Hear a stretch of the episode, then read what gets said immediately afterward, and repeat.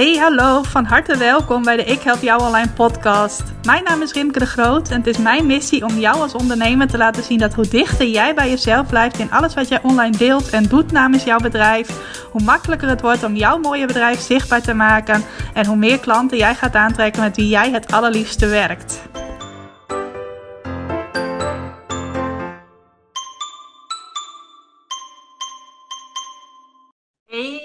Welkom, van harte welkom en leuk dat je luistert naar weer een nieuwe aflevering van de Ik Help Jou Online podcast. Waarin ik deze keer een thema met je ga behandelen dat de afgelopen week in meerdere vormen, meerdere opzichten op mijn pad kwam. Ik heb het er zelf over gehad in mijn Instagram stories. Ik heb het erover gehad met de dames die deelnemen aan mijn VIP-traject, het traject opschalen vanuit je hart. Het kwam aan bod bij een training die ik zelf volgde. Ik zag in mijn Facebookgroep een aantal dingen voorbij komen waarbij ik dit thema ook kon aankaarten. En ik dacht, het is ook een heel mooi onderwerp om in een podcast wat verder de diepte op te kunnen gaan. Want in een podcast kun je dat natuurlijk wat uitgebreider doen dan in een Instagram story. En ik kan het ook met meer mensen delen dan alleen de mensen die lid zijn van uh, de Facebookgroep die bij mijn betaalde trainingen hoort. Dus uh, ik denk een heel waardevol onderwerp waar ik graag een aantal dingen over met je wil delen. En welk onderwerp is dat dan? Dat is het onderwerp presenteer je aanbod als een need to have en niet als een nice to have. Nou, je bent van mij gewend dat ik niet al te veel Engelse woorden gebruik, maar in dit geval uh, vind ik dat wel een mooie omschrijving. Een need to have, dat is iets dat mensen nodig hebben. En een nice to have, dat is iets dat leuk is om te hebben, maar eigenlijk niet echt prioriteit heeft, waar geen urgentie op zit. En ik ga je straks in het laatste gedeelte van deze aflevering ook laten zien dat je ook iets dat je koopt voor de leuk, iets waar je blij van wordt, zoals een cadeautje of een vakantie of iets anders waar je blij van wordt, dus dat je aanschaft voor je plezier, dat het ook heel goed mogelijk is om dat als een need to have te presenteren en ook op je website als een need to have onder de aandacht te brengen. Nou, sowieso denk ik dat dit stukje van je aanbod echt op een onweerstaanbare manier presenteren als een need to have, dat dat in deze tijd extra belangrijk is. Ik wil niet zozeer aanhaken bij alle bangmakerij die ik nu veel in de media zie, maar ook wel op de social media van ondernemers die denken van goh, laat ik eens even lekker uh, uh, inhaken op uh, de zorgen die mensen zich mogelijk uh, op dit moment maken, dat hier nog even extra inwrijven. Daar hou ik helemaal niet van.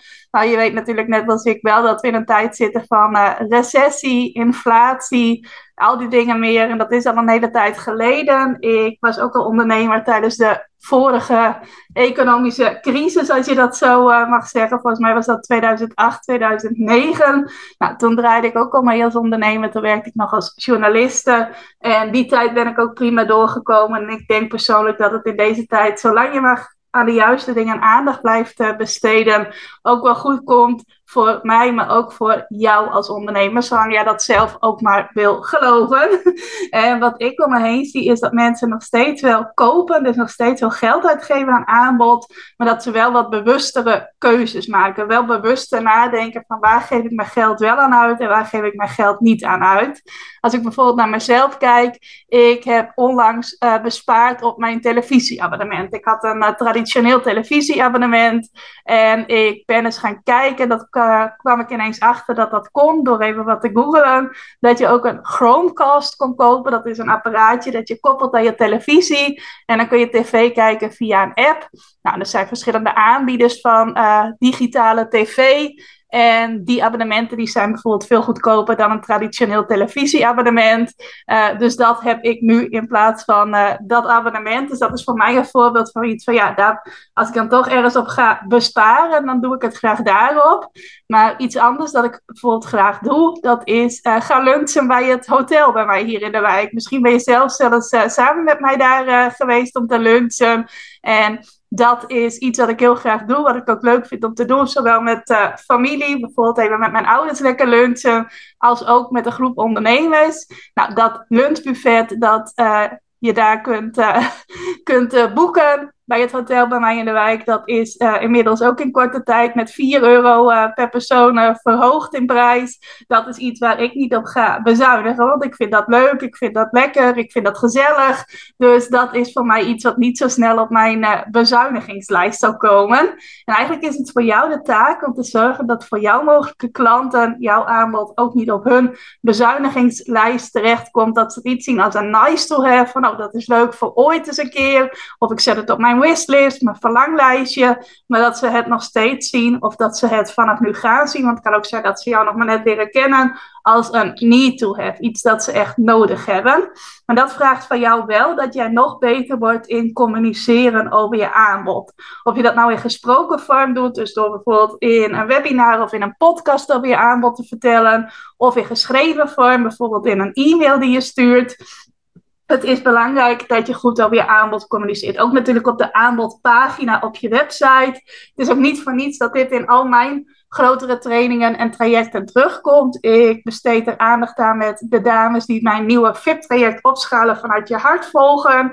Zij hebben uh, volgende week hun eerste themadag met mij. En die gaat ook helemaal in het teken staan van het onweerstaanbaar maken van je aanbod. Hoe kun je dat nou op zo'n manier presenteren dat veel mensen er ja tegen gaan zeggen? Uh, er zit ook een module over in mijn training Continu klanten uit je website. Er zit een module over in mijn andere training Succesvol lanceren vanuit je hart.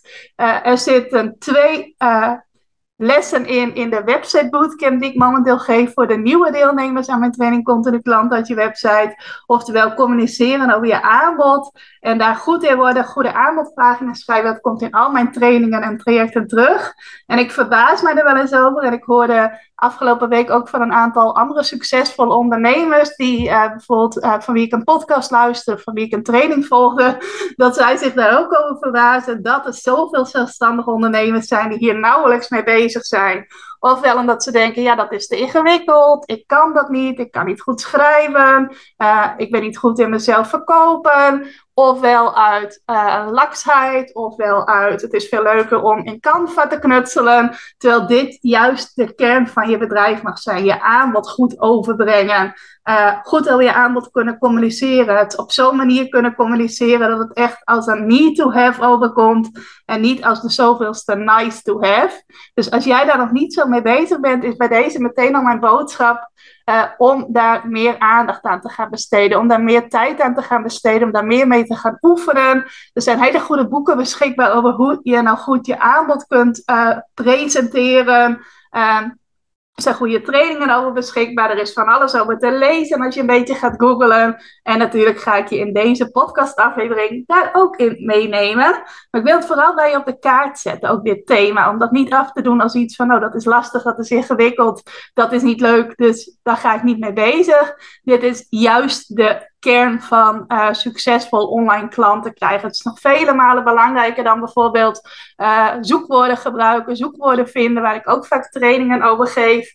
En natuurlijk is dat ook belangrijk om je bekendheid te vergroten. Op het moment dat jij goed vindbaar bent in Google, maar je weet niet hoe je je aanbod moet verkopen, dan heb je alsnog niet zo heel veel aan al die uh, bezoekers die jouw website weten te vinden. En als je een grote e-maillijst aan het opbouwen bent, waar steeds meer mensen op inschrijven, maar je weet niet hoe je je aanbod goed moet verkopen in woorden, dan heb je ook niet zoveel aan een groeiende e-maillijst. En eigenlijk geldt dat voor alles wat je online kunt doen om jezelf bekender te maken bij meer mensen. Je kunt al meer bekendheid gaan genereren, maar als jij niet je aanbod als een need to have weet over te brengen, dan uh, gaat het niet zo heel veel voor je doen. Nou, wanneer loop je nou het grootste risico, om toch maar even een woord zoals risico erin te gooien, op jouw aanbod presenteren als een nice to have? Wanneer ligt die valkuil dat jij je aanbod als een nice to have presenteert, als iets dat leuk is om te hebben, maar niet al te veel urgentie heeft? Wanneer ligt die valkuil nou het meest op de loer? Nou, allereerst is dat als jij hard klanten nodig hebt. Dus als je denkt van oké, het gaat niet zo lekker momenteel in mijn bedrijf. Ik kan best meer klanten gebruiken, best meer opdrachten gebruiken. Ik moet aan de acquisitie, allemaal van dat soort dingen. Dan is er een situatie waarin jij dus harder klanten nodig hebt dan dat zij jou nodig hebben. En dan ben je vaak geneigd om jouw aanbod als een nice to have te presenteren. Ik merk dat heel vaak als ik uh, vormen van aanbod in mijn mailbox krijg. Ik weet niet of jij dat herkent, maar uh, er wordt mij elke week wel een dienst aangeboden. Ook vaak in het uh, Engels van uh, bedrijven die dan waarschijnlijk een mailtje uitsturen naar een heleboel ondernemers. Maar krijg ze ook wel in het Nederlands. En heel vaak merk ik dan al aan de manier waarop iets onder de aandacht gebracht wordt van oké, jij hebt nu klanten nodig.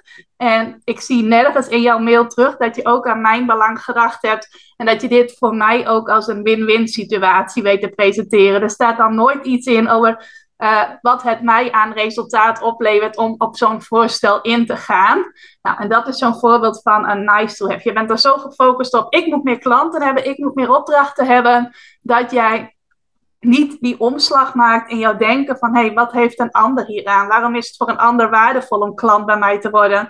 Waarom is het voor een ander waardevol om met mij te gaan samenwerken? Je bent er vaak zo gefocust op ik heb nu klanten nodig en die focus die kan je soms ook helemaal in beslag nemen. En dan ben je juist dus geneigd om minder sterk te communiceren, waardoor een ander, degene die je dan benadert, dit ook eerder zal zien als een nice to have van oké, ik zou hier dus op in moeten gaan omdat het jou helpt, dan dat het duidelijk is van dit gaat mij helpen en het is voor mij dus een need to have. Tweede uh, situatie waarin dit een enorme valkuil kan zijn, die zag ik ook nog uh, afgelopen week in mijn klanten Facebookgroep voorbij komen. Heb ik toen, daar, ik zal niet in detail treden, maar de betreffende ondernemers er ook even een goede tip over gegeven. Dat is als jij een sterke missie hebt, een sterke drijfveer hebt om iets in de wereld te veranderen, teweeg te brengen, onder de aandacht te brengen, op de radar van mensen te brengen. Als daar een stukje missie in zit. Echt een verlangen van jou van ik wil dit gaan veranderen in de wereld of op kleinere schaal. Ik wil dit gaan veranderen in Nederland. in elk geval, als dat voortkomt vanuit een missie, dan ben je vaak ook minder geneigd om echt als die uh, slimme marketeer te denken, om het zo maar even te zeggen, en jouw aanbod ook als een need to have voor de ander te presenteren. En ben je sneller geneigd om dat te doen als een nice to have.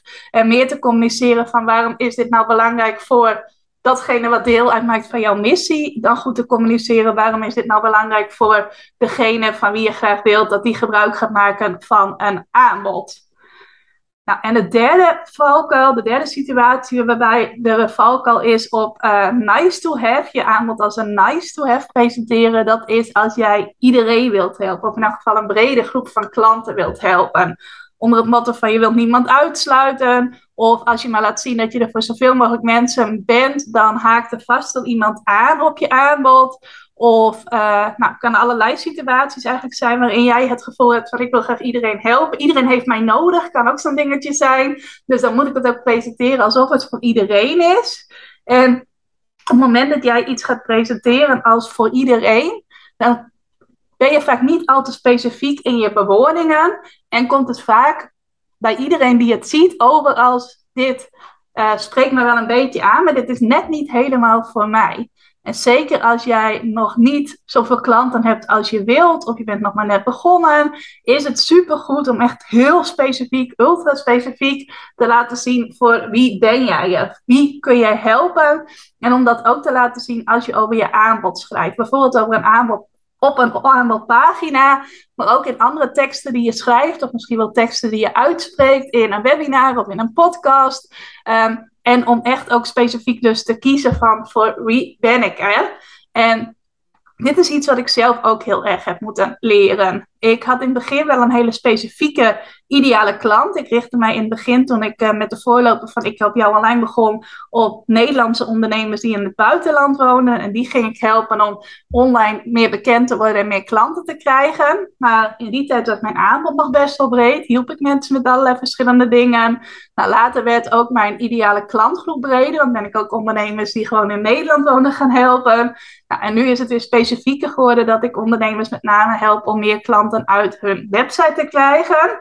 Dus dat is wel weer specifiek. Maar onlangs toen ik een aanbodpagina voor mijn nieuwe VIP-traject ging schrijven, viel ik toch stiekem ook weer een beetje in die valkuil. Want ik heb best wel een brede groep aan klanten. Klanten met allerlei soorten bedrijven, ook met allerlei soorten ambities. Uh, de ene is super ambitieus en de ander vindt het vooral leuk als je gewoon uh, uh, goed kunt rondkomen van je bedrijf zonder verdere groeiambities te hebben. Um, En dat is allemaal goed. En ik ben mijn aanbodpagina voor dat VIP-traject, kwam ik later achter, kwam ik later tot de conclusie, toen ik uh, er zelf nog eens met kritische blik naar keek, ben ik ook een beetje te veel gaan schrijven, denk ik, als een nice to have. En te veel hebben willen laten zien dat het voor iedereen in mijn klantengroep was, dit aanbod. Terwijl het in de praktijk toch meer voor één specifieke groep binnen al mijn klantengroep was.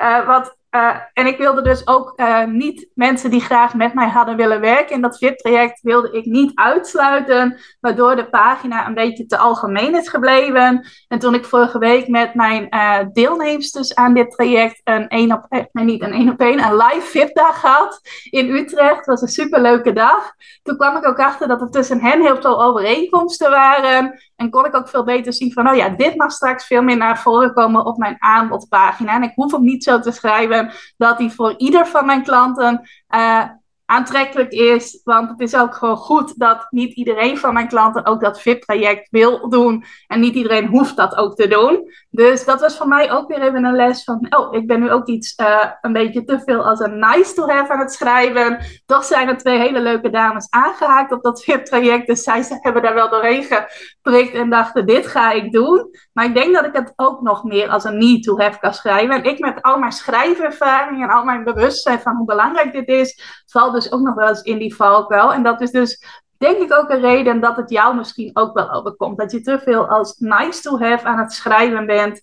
uh, en te weinig als need to have. En dat komt dus omdat je te veel op jezelf of op jouw doel gefocust bent, waardoor je vergeet te focussen op het belang van de ander en dan de ander die jij graag wilt helpen met jouw aanbod. Dat kan dus voortkomen uit, oh, ik heb heel hard klanten nodig, dus daarom wordt het meer een nice dan een need to have. Of ik heb een sterke missie, ik voel dat ook heel sterk van binnen, een verlangen om iets te veranderen op kleine of op grote schaal. Of dat stukje van ik wil graag dat dit voor iedereen is, dat iedereen zich aangesproken voelt. En dan, uh, ja, dan voelt vaak niemand zich echt heel expliciet aangesproken. Of soms wel een paar mensen, maar uh, lang niet zoveel als wel had gekund als jij specifieker had durven zijn. En eigenlijk moet jouw aanbodpagina uitstralen dat niet dat jij klanten nodig hebt. En niet alleen je aanbodpagina, maar bijvoorbeeld ook als je iemand per mail benadert. Of als je over je aanbod post op social media. Elke keer als jij iets deelt over jouw aanbod, moet dat niet uitstralen. Ik heb klanten nodig, maar klanten hebben mij nodig. als je je aanbod op zo'n manier weet te presenteren, dan heb je een need to have in plaats van een nice to have. Nou, een aantal dingen die ik je daarbij mee wil geven, naast dit allemaal, want het is misschien al best veel, een aantal vragen die ik aan je voor wil leggen, die ga ik nu met je doornemen. En allereerst is dat de vraag: durf jij jouw aanbod echt op je ideale klant te schrijven? Durf jij voor een aanbod echt één specifieke ideale klant te kiezen? En durf je je aanbodpagina echt voor diegene te schrijven? En daarmee bedoel ik niet, want daar ben ik helemaal niet van, van oh je moet maar voor één ideale klant kiezen en je mag verder geen andere mensen helpen. Nee, dat bedoel ik er niet mee. Maar het is wel slim om per vorm van aanbod die je hebt, om daar wel één heel heldere ideale klant voor te kiezen. Dat betekent dus niet dat je jezelf in een doosje moet stoppen, als het ware, van oh, je mag maar één groep klanten helpen. Maar doe dat wel voor elk, elke afzonderlijke vorm van aanbod. Dat je per vorm van aanbod kiest dit is mijn ideale klant voor dit aanbod. Zoals bijvoorbeeld bij mijn aanbod voor mijn training continu klant uit je website. Mijn ideale klantgroep net even een wat andere is dan voor mijn VIP-traject opschalen vanuit je hart. En zo mag jij dat dus ook zien als je verschillende vormen van aanbod hebt. En durf je dan echt jouw aanbod op je ideale klant te schrijven? Durf je die echt aan te spreken? Bijvoorbeeld al gelijk bovenaan je pagina als je vertelt wat het iemand kan opleveren. Als je dat bijvoorbeeld wilt illustreren met concrete voorbeelden als je uh, je aanbod ook vorm gaat geven inhoudelijk, durf je dat allemaal echt af te stemmen en dus ook te schrijven op jouw ideale klant? Of denk je stiekem toch van ja, maar ik moet iedereen helpen, ik moet er voor iedereen zijn, iedereen moet bij mij terechtkomen. En dat is super mooi en super lief ook als je dat zo denkt. Alleen doe je er eigenlijk niemand echt een plezier mee op het moment dat je die keuze niet maakt. Want aan de ene kant voelen mensen zich dus niet echt 100% aangesproken door hoe jij je aanbod presenteert. Want niemand herkent zich er echt 100% in. Wel veel mensen waarschijnlijk voor 80%, maar het is het dan toch net niet. En als iemand anders dit dan wel durft te doen, echt specifiek op de ideale klant te schrijven, gaan mensen vaak liever daar naartoe. Dus je helpt je mensen voor wie je het zo super graag wil doen er niet mee. En uiteindelijk help je jezelf er ook niet mee. Maak je jezelf het ook moeilijker om uh, meer klanten naar jou toe te laten komen. En uiteindelijk is dat natuurlijk wel waar je, neem ik eventjes aan, je plezier en je voldoening uit haalt dat je mensen kunt helpen. Dus als jij echt voor je ideale klant durft te kiezen, durft jouw ideale klant ook voor jou te kiezen. En dan hoef je dus niet uh, dat op te vatten in de zin van, oh, ik mag alleen maar mensen tussen de 30 en de 35 jaar helpen. Of ik mag alleen maar vrouwen helpen en niet mannen. Enzovoort, enzovoort. Daar sta ik helemaal niet voor. Heb ik een tijdje geleden nog een podcast over opgenomen. Um, maar wel, uh, ideale klant, welk probleem kun je voor iemand oplossen? Of welk verlangen kun je voor iemand waarmaken? En schrijf je je pagina daar echt specifiek op. Of zijn er allerlei dingen samengevoegd binnen één aanbod waar je mensen mee kunt helpen om niemand uit te sluiten? Volgende vraag die ik voor je heb is: zie jij obstakels als een belediging of aanval of zie je die als een kans? Nou, wat bedoel ik daarmee? Op het moment dat jij een aanbod hebt, dan zijn er altijd mensen, heb ik vorige week ook weer gemerkt, toen ik een lancering deed, die jouw aanbod in de kern wel interessant vinden, waardevol vinden, er eigenlijk gebruik van willen maken, maar die er nog een ja, maar bij hebben. Dus ik wil je aanbod heel graag, maar puntje, puntje, puntje. Nou, en die mensen zul je altijd op je pad krijgen. En je kunt er op twee manieren naar kijken. Je kunt er naar kijken van oké, diegene wil, heeft wel interesse, maar die heeft daar een obstakel bij. Dat is lastig. Of dat zie ik als een belediging, want mijn aanbod is zo goed, enzovoort, enzovoort. Dus je kunt er eigenlijk een beetje negatief naar kijken. Of je kunt er positief naar kijken van hé, hey, ik krijg van iemand te horen wat iemand nog tegenhoudt om mijn aanbod te kopen. Dat levert mij waardevolle informatie op voor mijn communicatie rond mijn aanbod. Hoe kan ik deze persoon die nu dit obstakel aan mij voorlegt zo goed mogelijk helpen? En hoe kan ik dit ook gebruiken in de communicatie vanaf nu over mijn aanbod? Want als deze persoon dit obstakel heeft, dan zijn er vast meerdere mensen die dit obstakel hebben. Nou, je hebt universele obstakels, zoals dit is nu niet het juiste moment, ik heb er nu geen tijd voor, dit gaat vast veel tijd kosten, uh, de prijs is te hoog. Allemaal van die dingen die met tijd, geld, het juiste moment te maken hebben. En je hebt ook heel specifieke obstakels die uh, ook met uh, heel specifiek jouw aanbod te maken hebben. Dus in mijn geval kan dat zijn, ik wil heel graag meedoen aan jouw training continu klant uit je website, maar ik zie mezelf niet als een goede schrijver. Of ik wil wel meedoen, maar ik ben niet technisch en ik kan niet zelf aan mijn website aanpassen. Nou, dat zijn waarschijnlijk obstakels als jij heel iets anders doet, die jij niet van je mogelijke klanten te horen krijgt, maar ik wel. En zo zijn er ook waarschijnlijk obstakels die ik niet zo snel te horen zou krijgen, maar jij wel. Nou, en dat soort dingen, dat zal altijd op je pad komen op het moment dat jij een aanbod doet. Als je dat nooit op je pad krijgt, dan weet ik zeker dat jij te weinig je aanbod doet. Dus uh, mensen met obstakels, met redenen waarom ze niet direct bij je kopen, die zullen er altijd zijn. En aan jou is de keus hoe je daar naar kijkt. En als je dat allemaal kunt zien als een kans van, hé, hey, nu leer ik nog beter kennen wat mensen tegenhoudt om mijn aanbod te kopen. Wat kan ik er nu direct met deze persoon mee? En ook uh, wat kan ik hiermee in de algemene communicatie rond mijn aanbod? Dan ga je veel meer kansen ook voor jezelf creëren om jouw aanbod nog meer als een need to have te presenteren. Om nog sterker te laten zien waarom mensen het nodig hebben. Bijvoorbeeld als ze denken dit is niet het juiste moment. Wat kun je daarop zeggen? Als mensen de investering aan de hoge kant vinden, wat kun je dan tegen ze zeggen? Kun je ze dan laten zien wat het allemaal kan opleveren? Nou, enzovoort, enzovoort. Ik zou daar zelfs weer een aparte podcastaflevering van kunnen maken. Dit is ook iets dat heel uitgebreid in mijn trainingen behandeld wordt. Maar ik wil je voor nu daar in elk geval van bewust maken. Hoe kijk jij naar uh, iemand die op je pad komt met een koopbezwaar? Zie je dat als een kans om te leren of zie je dat als een belediging of een aanval?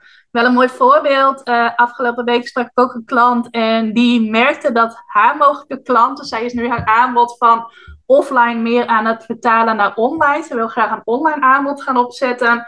En zij merkt nu dat ze best wel vaak mensen op haar pad krijgt die wel interesse hebben in haar aanbod, maar die dan toch graag nog dat live contact met haar willen. En dat kun je dan zien als van oké, mensen die willen dat blijkbaar niet, dat is maar lastig. Of uh, ik wil zo graag dat mensen wel online uh, training bij mij gaan volgen. Uh, dus ik zie dat als een belediging dat zij dat niet willen. Of je kan dat bekijken als een kans en gaan bekijken van hoe kan ik nou goed communiceren, wat het voordeel is van dat mensen online toegang krijgen tot al mijn kennis, in plaats van dat het alleen maar voor hen beschikbaar is op het moment dat ze mij live zien. Nou, en voor mij is dat eigenlijk een obstakel dat ik nooit op mijn pad krijg. Ik heb een online aanbod en ik heb nog nooit van iemand gehoord dat iemand niet bij mij wilde instappen omdat iemand liever live contact met mij wilde hebben. Liever bij mij in de huiskamer wilde komen zitten en daarom niet meedeed aan mijn training. Nou, wat is daar een van de redenen van dat ik dat obstakel nooit op mijn pad krijg? Dat is ook een reden dat ik dat zelf nooit heb gezien als een obstakel. Toen ik begon met Ik Help Jou Online, en dus de voorloper daarvan, toen ik mij nog richtte op ondernemers die in het buitenland wonen, toen kwam mijn allereerste klant uit Frankrijk. Mijn tweede klant kwam ook uit Frankrijk. En mijn derde klant kwam uit Spanje. Nou, die klanten zouden überhaupt niet aankomen met het obstakel. Uh, Rimke, leuk hoor dat online aanbod, maar ik wil dat niet, ik wil liever live. Nee, zij vond het juist handig dat het online was. En in het begin was dat nog niet eens met een online leeromgeving, maar met begeleiding per mail. Maar ook later, toen ik een online leeromgeving ben gaan opzetten en online trainingen ben gaan geven en een membership, heb ik nooit van iemand gehoord, ik doe niet mee omdat ik het niet fijn vind om online te leren, om online iets te volgen bij jou.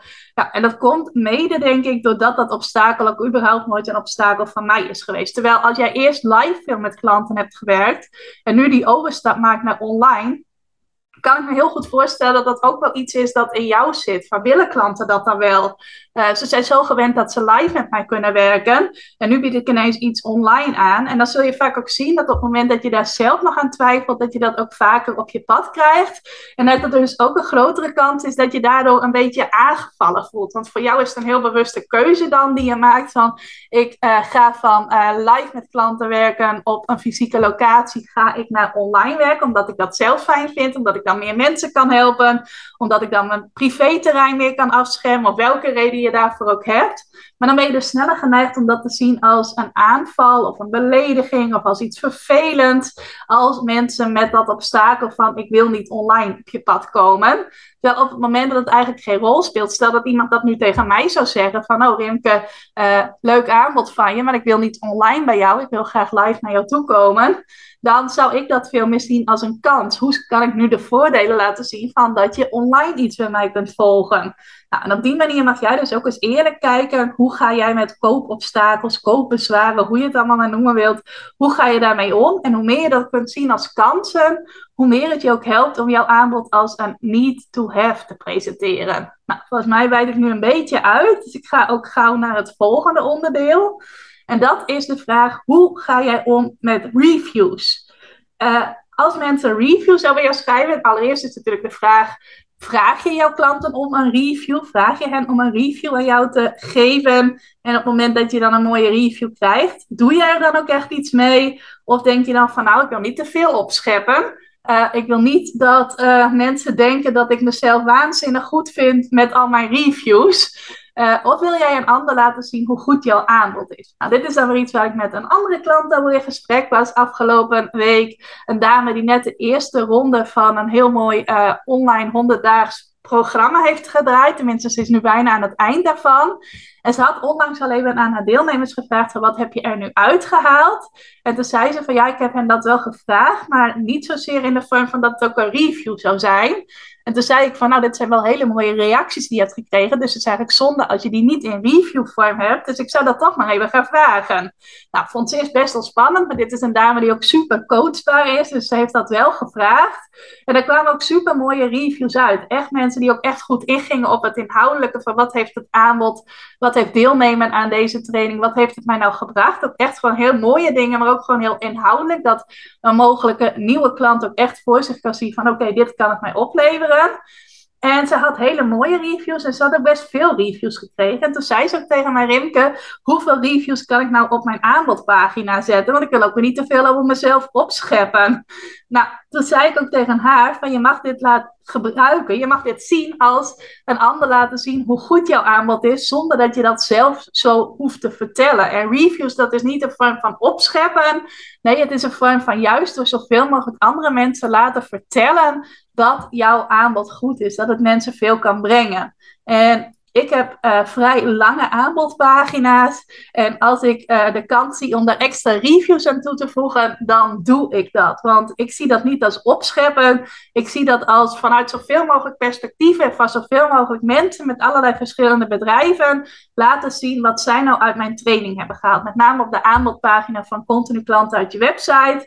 Die is inmiddels weer gesloten omdat vorige week mijn lancering was en nu uh, is die pagina dus weer even op slot. Maar als je daarop kijkt, dan staan er heel veel reviews op. Er staan geschreven reviews op, er staan screenshotjes op van resultaten van mijn klanten, er staan verschillende video's op die klanten voor mij hebben opgenomen.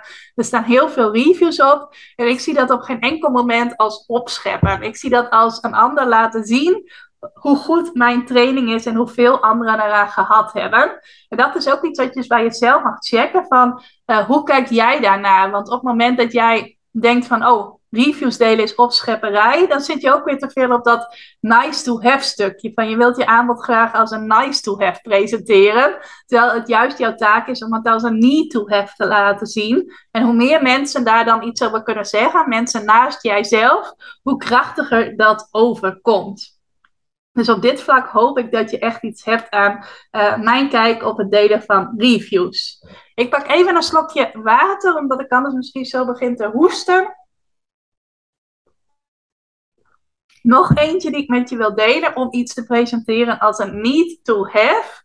Dat is de vraag: durf jij ook een specifiek resultaat te beloven aan jouw mogelijke klanten? Durf je ook te laten zien wat het hen oplevert als ze jouw aanbod kopen? Nou, op het moment dat je mensen ergens in gaat begeleiden, een training hebt en iets uit handen neemt, is dat misschien wat, uh, wat beter te doen. Is dat wat beter te doen dan wanneer je producten verkoopt? En dan is simpelweg het resultaat dat iemand jouw product in handen krijgt. Maar met name als jij trainingen geeft of diensten verleent, is het belangrijk om een specifiek resultaat te benoemen wat jouw klant daaruit gaat halen. En ik zie best veel ondernemers die daar een beetje omheen draaien, vooral niet te specifiek willen zijn. Uh, wel allerlei saaie details uh, in de uh, spotlight zetten, maar niet echt heel concreet benoemen wat levert dit nou op. En dat was ook iets wat aan bod kwam bij een training die ik afgelopen weekend aan het volgen was. Ik doe mee aan de Sales Unlimited Sprint van Wendy Kersens. Ik weet niet of je haar kent. Zij is heel bekend geworden van haar bureau dat zij voorheen had van voor het uh, adverteren op Facebook. Dat nam ze voor heel succesvolle ondernemers uit handen. En tegenwoordig helpt ze vooral uh, ondernemers om meer leads en sales te krijgen. En meestal doet ze dat voor de mega succesvolle ondernemers in Nederland. En werkt ze heel exclusief met hen. Maar ze organiseert nu een uh, wat laagdrempeligere training die ook voor ondernemers zoals jij en ik toegankelijk is. Nou, heb ik mij in de zomer al voor aangemeld en die training ging twee weken geleden van start. Nou, dat is ook super interessant. Gaat ook wel bij je aanbod presenteren als, uh, zoals Wendy zegt, als een uh, fingerlicking aanbod. En ze haalde daar een heel mooi voorbeeld aan van een uh, chocoladereep Tony Chocolonely zeezout. En je kunt zo'n chocoladereep heel saai presenteren. Je kunt alle ingrediënten benoemen die erin zitten. Nou, als je exact weet wat erin zit, daar suiker en dergelijke, dan eet je zo'n reep misschien nooit weer.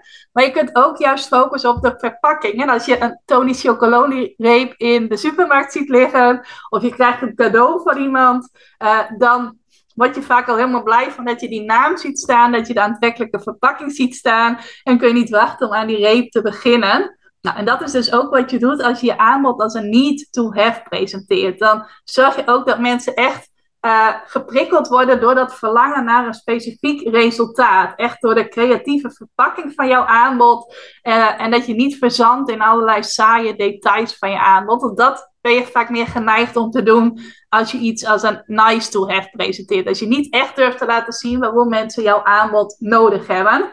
Dat stukje specifiek is ook nog wel belangrijk in deze, want dat durft ook niet iedere ondernemer. Het is ook vaak zo van ja, maar dan als mensen een keer niet dat resultaat bereiken, dan kan ik dat toch niet waarmaken. Nou, en wat je hier mag realiseren, en dat was ook iets wat bij mij een tijdje duurde voordat dat kwartje viel, dat heb ik ook meerdere keren moeten horen, is dat uh, jij een specifiek resultaat mag benoemen dat mensen krijgen als ze ook daadwerkelijk echt doen wat jij hen aanraadt. Dat geldt zeker als jij trainingen geeft ik kan een heel specifiek resultaat benoemen dat ik zie bij alle klanten die echt serieus met mijn training aan de slag gaan, die de stappen zetten, die er ook echt induiken, En die gaan vervolgens altijd dat resultaat zien. Er zijn natuurlijk ook deelnemers aan mijn training. En als je zelf trainingen geeft, dan herken je dat. Die zich aanmelden, die in het begin misschien heel enthousiast zijn, maar dan niet meer met de lessen aan de slag gaan. Of als je coachingscalls geeft, daar niet meer bij komen opdagen.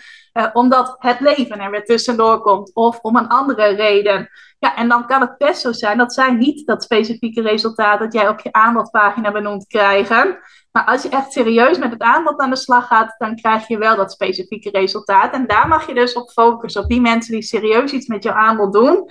En die mag je dus een specifiek resultaat beloven. En als je dat niet durft te doen, als het een beetje een halfslachtig resultaat is, dan uh, ja, komt je aanbod vaak ook over als een nice to have in plaats van een need to have. Dus let daar vooral ook op. Beloof een krachtig resultaat, beloof een specifiek resultaat. En uh, ga daar niet omheen breien of ga het niet op de vlakte houden. Want dan uh, is jouw aanbod een leuk om te hebben aanbod en niet iets dat mensen echt dringend nodig hebben.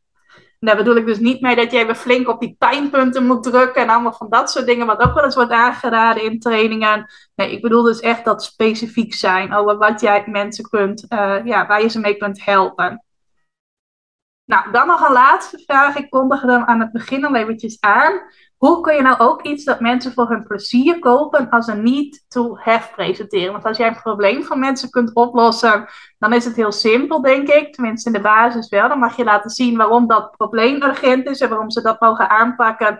En waarom ze dat op jouw manier mogen aanpakken. Dus bijvoorbeeld in mijn training, uh, ja, als je dringend klanten nodig hebt en ik heb een aanbod waarmee ik je kan helpen om klanten uit je website te krijgen, mag ik laten zien waarom mensen dit aanbod nodig hebben. Waarom het urgent is om meer klanten te krijgen. Maar ook waarom ze ervoor mogen kiezen om juist klanten uit hun website te krijgen. Nou, zo is dat voor jou ook. Als jij een probleem voor iemand kunt oplossen of iemand kunt helpen om een probleem zelf op te lossen, dan ligt daar je focus op. Maar hoe doe je dit nou als jij bijvoorbeeld vakanties aanbiedt of een webshop hebt met allerlei leuke cadeautjes die mensen voor hun plezier kopen of om een ander een plezier te doen? Ook dan kun je jouw aanbod als een need to have presenteren. Als iets waar mensen niet op moeten bezuinigen in deze tijd en überhaupt niet op. Maar dan mag je laten zien waarom mogen ze dan juist voor jouw aanbod kiezen waarschijnlijk mensen die uh, op vakantie gaan, die normaal gesproken op vakantie gaan, gaan nu niet bezuinigen op vakantie gaan. Misschien gaan ze er wel een beetje op bezuinigen, maar ze gaan waarschijnlijk sowieso wel op vakantie. En dan mag jij laten zien waarom ze juist naar jou op vakantie mogen komen. Of mensen zullen heus ook nog wel cadeautjes voor elkaar kopen. En misschien ook wel voor zichzelf. Tenminste, ik ga mezelf binnenkort weer een paar leuke legpuzzels cadeau doen. En dan heb je vaak verschillende opties waar je het kunt kopen. En dan mag je dus juist laten zien waarom Pardon. Waarom moeten mensen juist jouw aanbod kopen? Waarom moeten ze juist naar jouw plek op vakantie komen? Waarom moeten ze juist jouw type cadeautje kopen? Waarom moeten ze juist voor dat wat jij kunt aanbieden kiezen? En laat dat vooral dan de need to have reden zijn. Dus niet zozeer need to have, maar wel need to buy by you. Dus waarom moeten mensen juist bij jou kopen? En dan mag je daar dus op focussen. Niet als jezelf presenteren als een van de velen. Van nou, je kunt mogelijk ook mij in overweging nemen. Zoals je dat vaak ziet in Facebookgroepen bij oproepjes waar dan 30 reacties op staan. Met allemaal een linkje. Ga eens even op mijn website kijken. Nou, dat is dan typisch een voorbeeld van jezelf als een nice to have optie presenteren. Maar echt laten zien waarom moet iemand bij jou kopen? Waarom moet iemand juist naar jou toe komen? En mensen blijven zeker wel, dingen, uh, wel geld uitgeven aan deze dingen. Aan op vakantie gaan, aan cadeautjes kopen. Nou, wat kun je allemaal nog meer aan leuke dingen doen? Hobby's. Aan hobby's blijven mensen ook zeker nog wel tijd besteden. Want hobby's zijn juist een manier om je echt even te ontspannen in een tijd waarin er in de wereld best veel gebeurt. Dus juist belangrijk om daar geld aan uit te blijven geven. Maar laat ook in die gevallen zien waarom is jouw aanbod specifiek zoals jij het kunt bieden, waarom is dat voor mensen de need to have? En zorg dat je dat dan goed communiceert. Dus dat is wat ik je mee wil geven als je dat herkent. Nou, ik denk dat dat wel de kern is van wat ik je vandaag überhaupt mee wil geven. Misschien heb ik ook alweer heel lang gepraat. Maar mijn uh, kernboodschap is dus: let erop dat je jouw aanbod presenteert als een need to have en niet als een nice to have. Niet als een leuke optie voor ooit als je tijd over hebt, als je geld over hebt, als het het juiste moment is. Nee, als iets dat juist in deze tijd belangrijk is en nodig is en leuk is. Want mensen geven nog steeds geld uit aan je aanbod, maar ze maken wel bewustere keuzes daarin. En zorgen dat jij hen de handvaten geeft om een bewuste keuze te maken over jouw aanbod. Nou, ik ben heel benieuwd wat je hieruit hebt gehaald. Leuk als je dat ook met mij wilt delen. Stuur me gerust een berichtje. Rimke.ikhelpjouonline.nl of rimke.ikhelpjouonline op Instagram. Vind ik leuk om van je te horen. Ook leuk natuurlijk als je iets over deze aflevering wilt delen als je hem waardevol hebt gevonden. En uh, ja, ik wil je bedanken voor het luisteren en uh, tot een volgende aflevering. Dankjewel voor het luisteren naar deze aflevering van de Ik Help Jou Online podcast. Vind je nou net als ik dat deze podcast nog veel meer mensen mag bereiken en mag inspireren? Zou je mij dan misschien willen helpen? En dat kun je op twee manieren doen. Als jij de podcast beluistert via de Apple Podcasts app, dan kun je daarbinnen een review voor mij achterlaten. Nou, je kunt een aantal sterren geven, je kunt er ook nog een tekstje bij schrijven. Dat laatste, daar zou je me helemaal blij mee maken, want uh, dat soort reviews wordt nog zwaarder meegeteld en daardoor kan ik nog meer mensen bereiken met de podcast. Nou, heb je geen Apple Podcast apps of wil je misschien nog iets extra's doen? Deel dan, als je wilt, even een screenshot van dat je deze podcast luistert in je Instagram stories. Tag mij daarin. Zet er ook even bij wat het meest waardevolle of inspirerende is dat je uit deze aflevering gehaald hebt. Nou, zodra ik dat zie, zal ik dat ook weer delen in mijn stories. Dus jij krijgt ook nog extra bereik. Naast dat je mij enorm helpt door ook bij jouw storykijkers mijn podcast onder de aandacht te brengen. Nou, duizendmaal dankjewel als je dat wilt doen. En ik hoor je graag weer bij je volgende podcastaflevering.